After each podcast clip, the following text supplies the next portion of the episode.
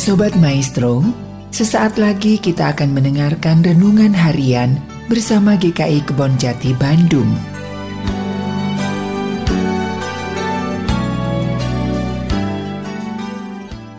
Shalom Bapak Ibu dan Saudara-saudari yang terkasih dalam Tuhan Yesus Kristus. Tema hari ini adalah tak kusadari. Terlebih dari Mazmur 19 ayat 13 sampai dengan 15 Demikian. Siapakah yang dapat mengetahui kesesatan Bebaskanlah aku dari apa yang tidak kusadari Lindungilah hambamu juga terhadap orang yang kurang ajar Janganlah mereka menguasai aku Maka aku menjadi tidak bercelah Dan bebas dari pelanggaran besar Mudah-mudahan engkau berkenan akan ucapan mulutku dan renungan hatiku ya Tuhan gunung batuku dan penebusku. Demikianlah firman Tuhan. Dalam kehidupan ini banyak hal yang sebenarnya kita tidak menyadarinya. Contoh, bagaimana seseorang bisa ditipu? Bagaimana seseorang bisa dihipnotis? Sehingga dia tidak kemudian tidak sadar ia kehilangan harta benda dan hal-hal yang lain. Intinya adalah orang tersebut tidak sadar. Tapi bukan hanya itu saja, hal-hal yang tidak kita sadari bukan hanya yang berasal dari luar, tetapi juga berasal dari dalam diri kita sendiri. Ada pepatah di dalam Alkitab, Matius 7 ayat 3, berkata demikian.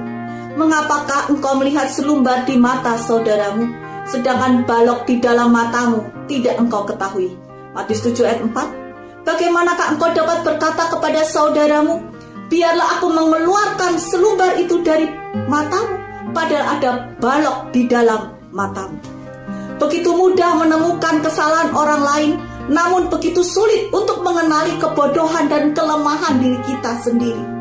Itulah sebabnya mengapa kesalahan yang sama bisa terus berulang, berulang kembali, dan kegagalan terus-menerus terjadi. Dan pada akhirnya, kemudian mencari kambing hitam. Bisa itu orang lain, tetapi juga ujung-ujungnya adalah kepada Tuhan. Kita marah kepada Tuhan dan kalau itu berlanjut terus-menerus, akibat yang terjadi adalah murtad. Dan kita semakin jatuh terperosok, semakin dalam kita tersesat dan jiwa kita dapat binasa. Amsal 19 ayat 3 mengatakan demikian, kebodohan menyesatkan jalan orang, lalu gusarlah hatinya terhadap Tuhan. Oleh sebab itu apa yang harus kita lakukan? Yang pertama, sediakan waktu saat teduh, waktu pagi, subuh. Saya punya waktu saat teduh. Saya mulai dari jam 4.45 saya terbangun. Apa yang saya lakukan? Saya saat teduh, saya mohon pertolongan dan hikmat dari Tuhan. Yesaya 54b berkata, setiap pagi ia mempertajam pendengaranku untuk mendengar seperti seorang murid.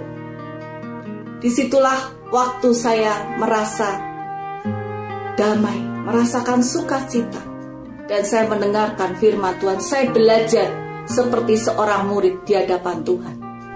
Yang kedua, kita membutuhkan kerendahan hati dan siap untuk ditegur, dididik oleh Tuhan. Saat ini saya mengambil studi konseling dan salah satunya adalah kelas konseling kelompok di mana kita sharing Pertanyaannya adalah apa monster pribadi kita? Dan kita bisa mengungkapkan apa monster pribadi kita masing-masing. Kita bisa tertawa bersama, bukan menertawakan orang lain, tetapi menertawakan diri kita. Bahwa kita punya dengan segala kelemahannya, ternyata mirip-mirip dengan kelemahan orang lain. Tidak ada yang merasa lebih hebat, lebih baik, lebih pandai. Padahal rekan-rekan pendeta saya ada yang dari Belanda, dari Malaysia, dan berbagai kota yang lain.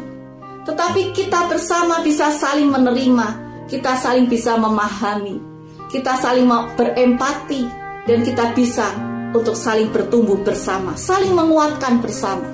Dan di akhir sesi itu, kita saling mendoakan agar Tuhan menolong kita untuk kita berproses bertumbuh bersama. Tuhanlah yang kiranya mengubah karakter kita yang masih dalam proses ini untuk semakin berkenan di hadapan Tuhan. Demikian pula dengan kita semua. Kita semua juga bisa untuk kita terbuka di hadapan Tuhan, kita rendah hati, dan Tuhan membentuk diri kita, pribadi kita. Semakin kita rendah hati, kita semakin mudah dibentuk oleh Tuhan. Yang ketiga, komitmen untuk berubah dengan pertolongan Tuhan. bukan dengan kekuatan kita sendiri, tapi dengan pertolongan Tuhan. Dan ketika kita menyadari, kita menoleh ke belakang, oh Tuhan, dulu karakter saya seperti itu. Saya bisa berubah saat ini. Itu karena Tuhan, bukan karena diri kita sendiri. Dan kita bisa dipakai oleh Tuhan untuk mempermuliakan nama Tuhan. Mari kita berdoa, kita mohon kepada Tuhan untuk semua hal yang tidak kita sadari yang akan membawa ke kita kepada kesesatan. Tuhan memberkati dan menolong kita semua. Amin. Sobat Maestro, baru saja Anda mendengarkan renungan harian bersama GKI Kebon Jati Bandung. Tuhan Yesus memberkati.